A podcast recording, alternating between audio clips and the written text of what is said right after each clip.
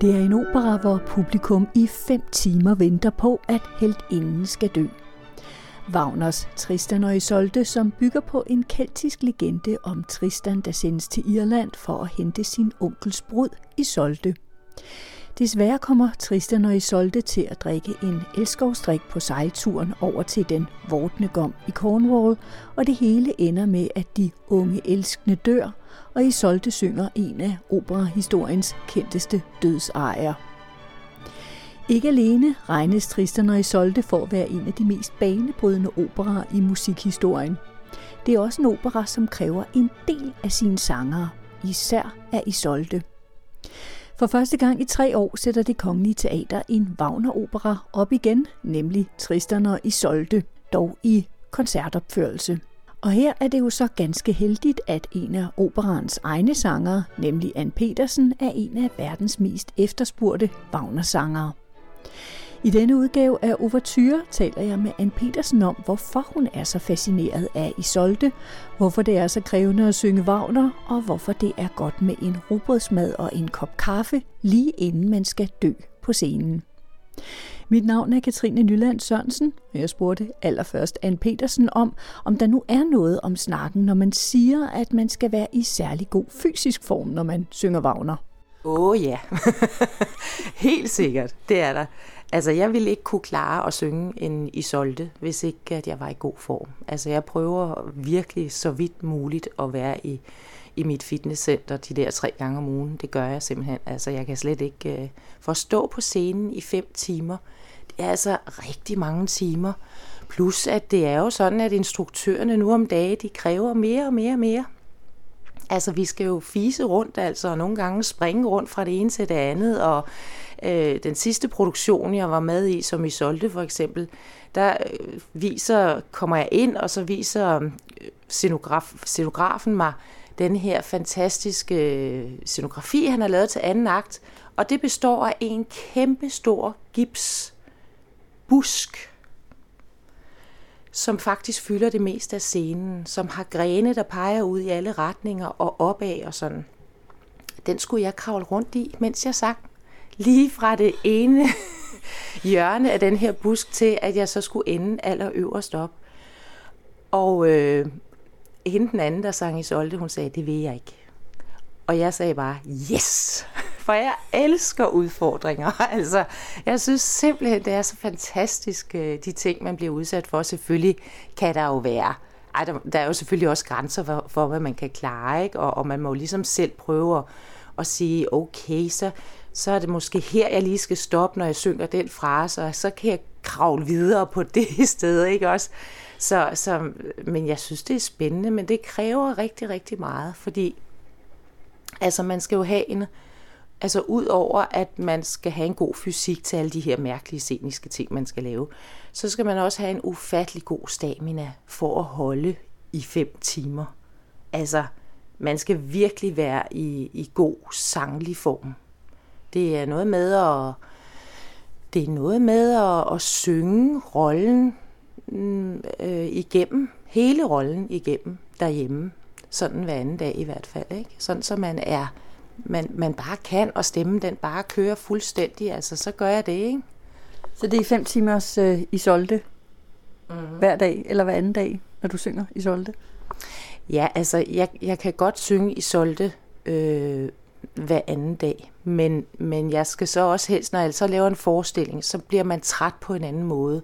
Altså der er forskel på at stå derhjemme ved sit klaver og synge det igennem. Og også holde de pauser, man har brug for. Og så stå på scenen, hvor det bare kører i de fem timer, og man også drøner rundt på scenen samtidig. Der er jeg træt bagefter, og der har jeg brug for to dage, inden jeg synger den igen.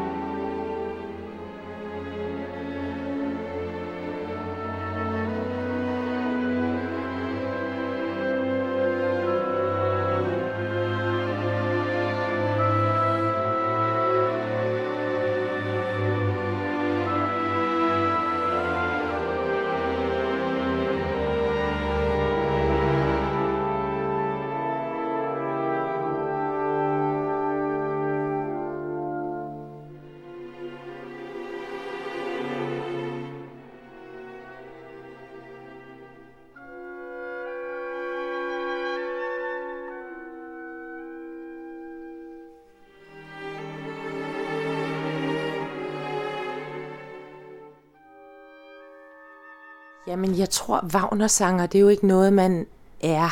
Jo, det er noget, man pludselig er, men det er noget, man vokser ind i langsomt, langsomt, langsomt øh, over en lang, lang årrække. Og stemmen viser jo faktisk, hvilken vej øh, man går lige så stille og roligt. Øh, og for mit vedkommende, så byggede, startede det lige så stille. Faktisk næsten allerede efter operaskolen var slut, så blev jeg tilbudt rollen som øh, Elisabeth i Tannhäuser øh, nede i Visbarten, Og, og der tænkte jeg, hold da op. Og samtidig med tænkte jeg, det er faktisk en rigtig god rolle for mig at starte med, fordi selvom det er Wagner, så er alt Wagner ikke kæmpestort og, og, og voluminøst. Det er, og det er det, jeg synes, der er så fantastisk ved Wagner. Hvis man synger det sådan, som det egentlig står skrevet, så er der så mange lag i, og så mange nuancer, og så mange øh, så stor rigdom af alle mulige ting. Så, så hvis man lader være og, og jeg lige ved at sige voldtage sin stemme, øh, men og lade være at få en led i sig selv til at, at køre med på et eller andet, som man hører orkestret gør. Så, øh, og så selvfølgelig, at man skal være smart lige fra starten, så man, så man ikke ødelægger sin stemme. Så man lige så stille synger de rigtige partier, og stille og roligt kommer ind i de større og større roller. Fordi jeg tror faktisk, at jeg ret tidligt vidste, at det var der min stemme bare hen. Og det var der, jeg havde det godt. Altså jeg har altid haft det rigtig, rigtig godt i det tyske repertoire. Både Strauss og Wagner. Øhm, så jeg tror, at det er, det er vigtigt, at man hele tiden følger sin egen intuition og er, er virkelig sådan nørdet med, at man siger ja til de rigtige ting øh, og de rigtige roller af Wagner øh, på det rigtige tidspunkt. Jeg har for eksempel heller ikke sunget Brynhilde endnu, hvis det kommer der til. Nu må vi jo se. Men øh, det er noget med at, at tage de rigtige partier først, som er godt for en stemme. Er det så også noget med at øh, hele tiden lytte sig ind på, hvor er min stemme, hvor passer, altså som du siger, at, at det tyske repertoire, det, det passer der godt. Er det temperamentsmæssigt, stemmemæssigt? Jamen, der er mange ting, der, der er rigtig mange ting, der, øhm, der skal passe sammen. Og jeg vil sige, altså min stemme, den har nok en klang, som også taler mest til det tyske repertoire. Jeg kan også godt synge andre ting, altså, altså de, hvis jeg for eksempel synger noget italiensk, så er det det italienske, som ligger tættest på det tyske repertoire øh, og det slaviske repertoire osv. osv. Men, men, øh, men jeg tror, min stemme, den, den, øh, den har det rigtig godt i det tyske, også fordi min, min stemme, den projicerer rigtig godt ud over øh, ud over orkestergraven. Og det er jo selvfølgelig også noget, som, som kommer med tiden, jo mere vant til man bliver, og jo mere en stemme kan, kan klare de her forser, som, som det jo også kræver. Altså det er der ingen tvivl om. Det er det er en force at, at skulle synge sådan et Wagner-parti.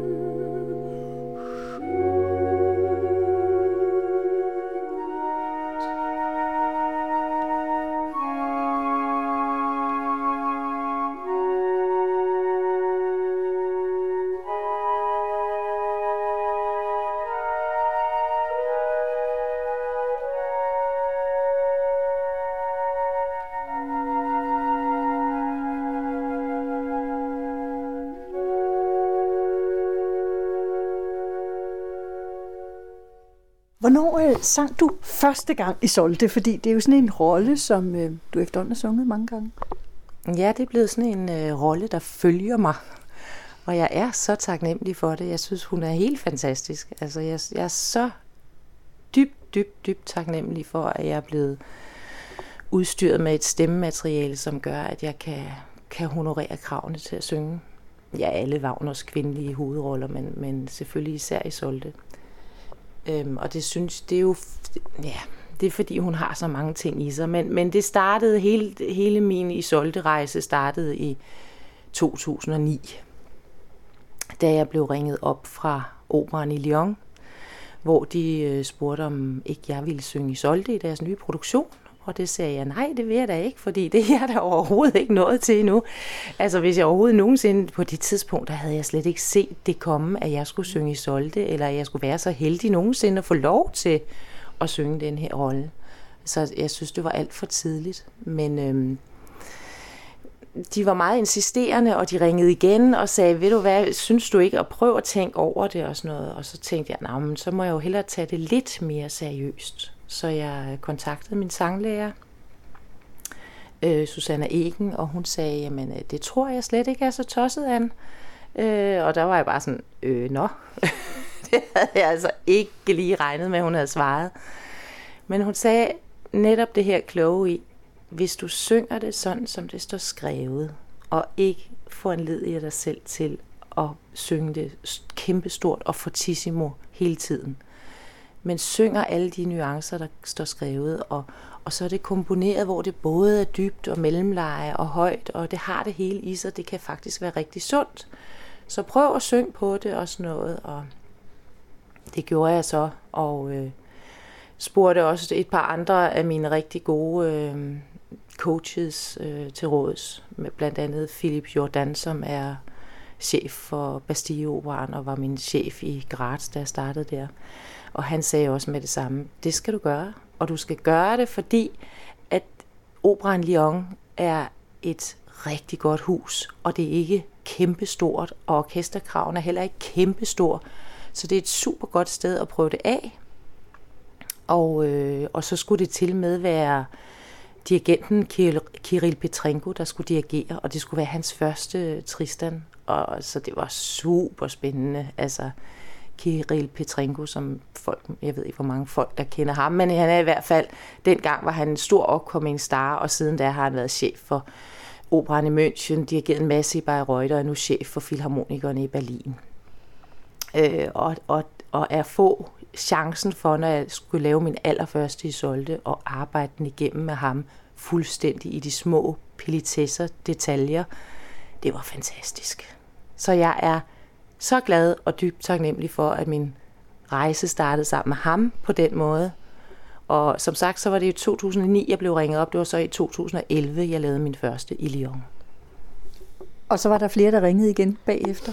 Åh oh, ja, det var simpelthen så det er et meget mærkeligt tilfælde og meget sjov historie, fordi lidt efter så ringede de fra operan i Cardiff, Welsh National Opera, der også skulle lave den her en opsætning af Tristan og Isolde, og også gerne ville have mig til det. Og der må jeg jo sige, jamen det kan jeg ikke, fordi jeg har jo jeg har lige sagt ja til at synge den i Lyon, men jeg aner jo ikke, hvordan det kommer til at gå.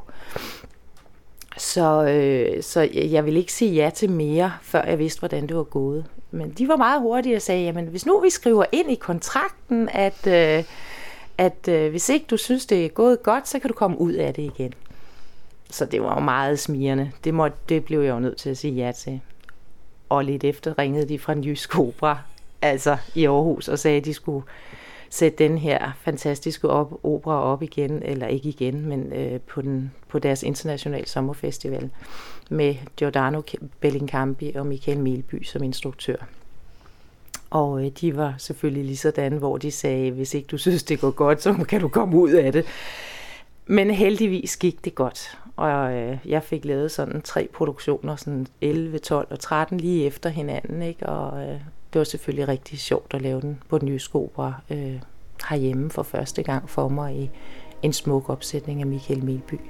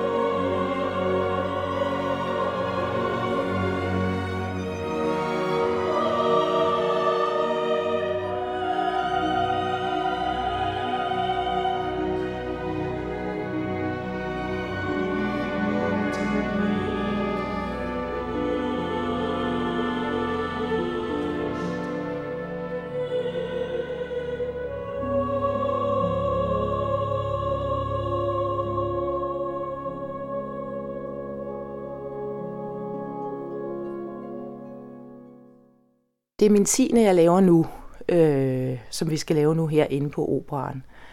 Øh, og det er jo en, ja, det er jo ikke en rigtig produktion, og alligevel forsøger vi at lave så god en produktion som muligt, fordi det både er en halv koncert, halv koncertant, vi, vi sætter op. Øhm, så vi vil gøre, hvad vi kan for at, at lave så meget scenisk som muligt, så, så øh, de fem timer ikke bliver for lange, at vi ikke bare står og synger, men at der sker også noget scenisk. Så det er, det er min tiende, jeg skal lave herinde på, på opera nu. Og så skal jeg til Bologna i januar og lave den der. Og til Taiwan til sommer og lave den der. Og der er noget, der ligger i fremtiden også. Så den, den forfølger mig, og det er jeg glad for. Hvad er det med, med den her rolle, som gør den så interessant, som du siger, du kan, du kan hele tiden finde nogle nye lag? Ja, altså, det er sådan med ham her, Wagner, som er så fantastisk, fordi han skriver jo, hans musik øh, og hans tekst er så fuld af, af, man kan fortolke det på så mange måder. Øh, man kan læse en masse mellem linjerne, man kan, øh, altså der er så mange undertekster, og, øh, og det gør jo også, at det kan lidt frit øh, nogle steder, øh, hvilket jo instruktører synes er spændende at instrueres. Og, og, det, og man finder hele tiden nye ting, hvor man tænker, gud nej, det tænkte jeg jo slet ikke over der for otte år siden. Og det er det, der er så vidunderligt ved, ved, ved ja, altså, måske især ved den her rolle, øh, eller ved den her opera. Øh, den har så mange ting i sig, og, og jeg vil sige, at rollen som Isolde, den er jo meget opdelt, fordi at hun i første akt er den her øh, totalt dyriske, hævngærige irske prinsesse, fuld af dramatik. Der er knald på lige fra start til slut. Altså, det er virkelig et hårdt akt, men også et fantastisk fedt akt for Isolde. Jeg elsker det simpelthen. Men der er virkelig øh, gang i den der. Og der får hun lov til at, at udleve alle hendes øh, frustrationer øh, på alle måder, både scenisk øh, og i musikken og sangligt. Det er, det, det, det er simpelthen hele, man kommer rundt om det hele i det her akt. Og så er der jo det i anden akt, at pludselig skal jeg så bruge stemmen på en helt anden måde. Fordi der skal jeg både have en fleksibilitet i stemmen, fordi det pludselig er smukke, lyriske, hurtige passager, som er helt fra bund og helt op til over det høje C. Og det er jo vildt, altså, hvad, hvad stemmen pludselig skal omstille sig med. Øh, og der er hun også den her lidt mere søde. Øh, man ser den, den, den forelskede Isolde, som, altså, og den der forskellighed, hun kan vise fra første akt til anden akt, både scenisk, men også musik, øh, musikalsk, det synes jeg jo er, er helt enormt øh, fænomenalt. Og så, øh, og så tredje akt, hvor det er så den værste, vil jeg næsten sige, fordi hun skal vente og vente og vente og vente. Der er jo både en pause mellem anden og tredje akt, og så skal hun vente på, at Tristan han tager sig sammen til at dø, ikke? om jeg så må sige.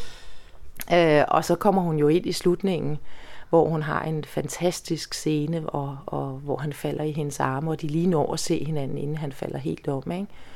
Og, øh, og så går hun lige så stille med ham ind i dødsriget, og, og hun synger den Mildun Leise Libes to taler sidst. Så det er jo, jeg vil sige, det er en tur de force uden lige. Det er det altså. Øhm, men, men netop fordi, at den er så forskellig artet, den her rolle, og den har alt i sig på, på alle parametre, både musikalsk og scenisk, synes jeg, at den er, det kan ikke blive bedre. Ich bin's, ich bin's.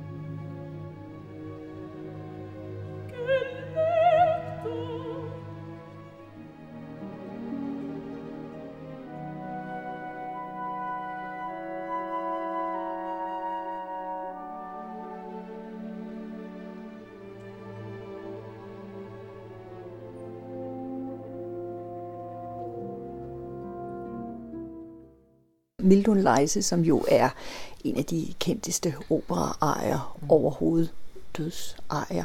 Øhm, er der et, en særlig forventning, altså når jeg tænker på nogle gange de der sådan store Wagner-arier, når man skal fortolke dem? Jeg ved ikke, om der er, stor, er, er en særlig forventning. Jeg tror nærmere, der er en særlig forventning for publikum, øh, der sidder ude i salen og sidder i de her fem timer, og de sidder og venter på, på Libestol til sidst. Altså det er der jo ikke nogen tvivl om. De elsker hele operaen, men de, de venter jo på, at den her kommer til allersidst. Og så er det altså rigtig ærgerligt, hvis Isolde ikke har mere stemme. altså, og det, er, det vil jeg sige, det er også en stor udfordring, fordi at netop fordi der er sådan en lang pause, hvor man har været helt op at køre i tre timer, og så har man pludselig en pause på næsten en time, ikke? Inden man så skal ind og synge, fordi man både har pausen og så det, det stykke, hvor øh, det øh, tidsrum, som, som Tristan bruger, inden jeg skal ind til sidst. Og det er altså hårdt. Det er altså det hårdeste. Jeg ville ønske, at jeg bare skulle synge hele tiden, vil jeg sige. Det er pausen, der er, der er den store udfordring. Og sådan rent øh, stemmemæssigt? Jamen helt sikkert, fordi altså, jeg har jo prøvet mange forskellige ting. Der var en gang, hvor jeg sådan tænkte, nu, må jeg, nu skal jeg slappe alt det af, jeg kan, sådan, så jeg bare er helt klar til at komme ind. Og så var jeg jo gået død, altså det gik jo slet ikke. Så det kan man ikke. Altså, og så, så, øh, så tænker man også, så skal jeg bare holde det stemme i gang hele tiden, ikke? og man går og nynner hele tiden. Wow. Og så har man jo heller ikke mere stemme, når man skal ind. Så det er sådan en, en Ja, det, det er sådan meget fine øh, justeringer at finde ud af med en selv, hvad der passer til en selv, øh, for, at det, for at man stadigvæk har noget tilbage til slut.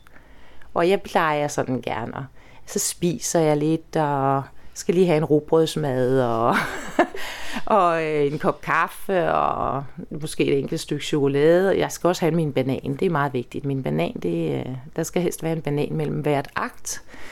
Og øh, så har jeg energi, og, og så går jeg ikke død på noget tidspunkt, og, og så nynner jeg lidt ind imellem, men så læser jeg også lidt, og, og så er det tid til, at jeg skal ind i sminken igen, og måske lige have sat håret og sådan noget. Så det er meget med at holde sig i gang, uden at gøre for meget, og uden at gøre for lidt.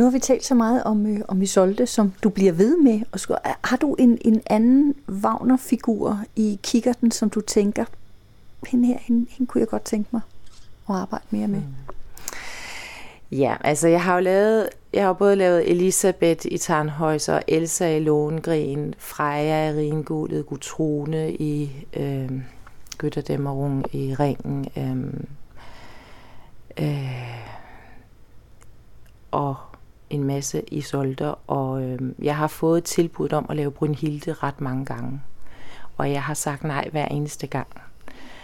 Øh, fordi jeg kan ikke rigtig finde ud af, om, om det er vigtigt nok for mig at lave den rolle. Det er sådan lidt... Øh, det er sådan lidt noget med, at hvis jeg siger ja til at lave den rolle, så er jeg bange for, at jeg ikke bliver tilbudt nogle af de andre roller længere, fordi der er ikke så mange, der synger, som man kan se både med Isolde, men heller ikke på en Hilde. Der er ikke så mange, der synger de to store kvinderoller.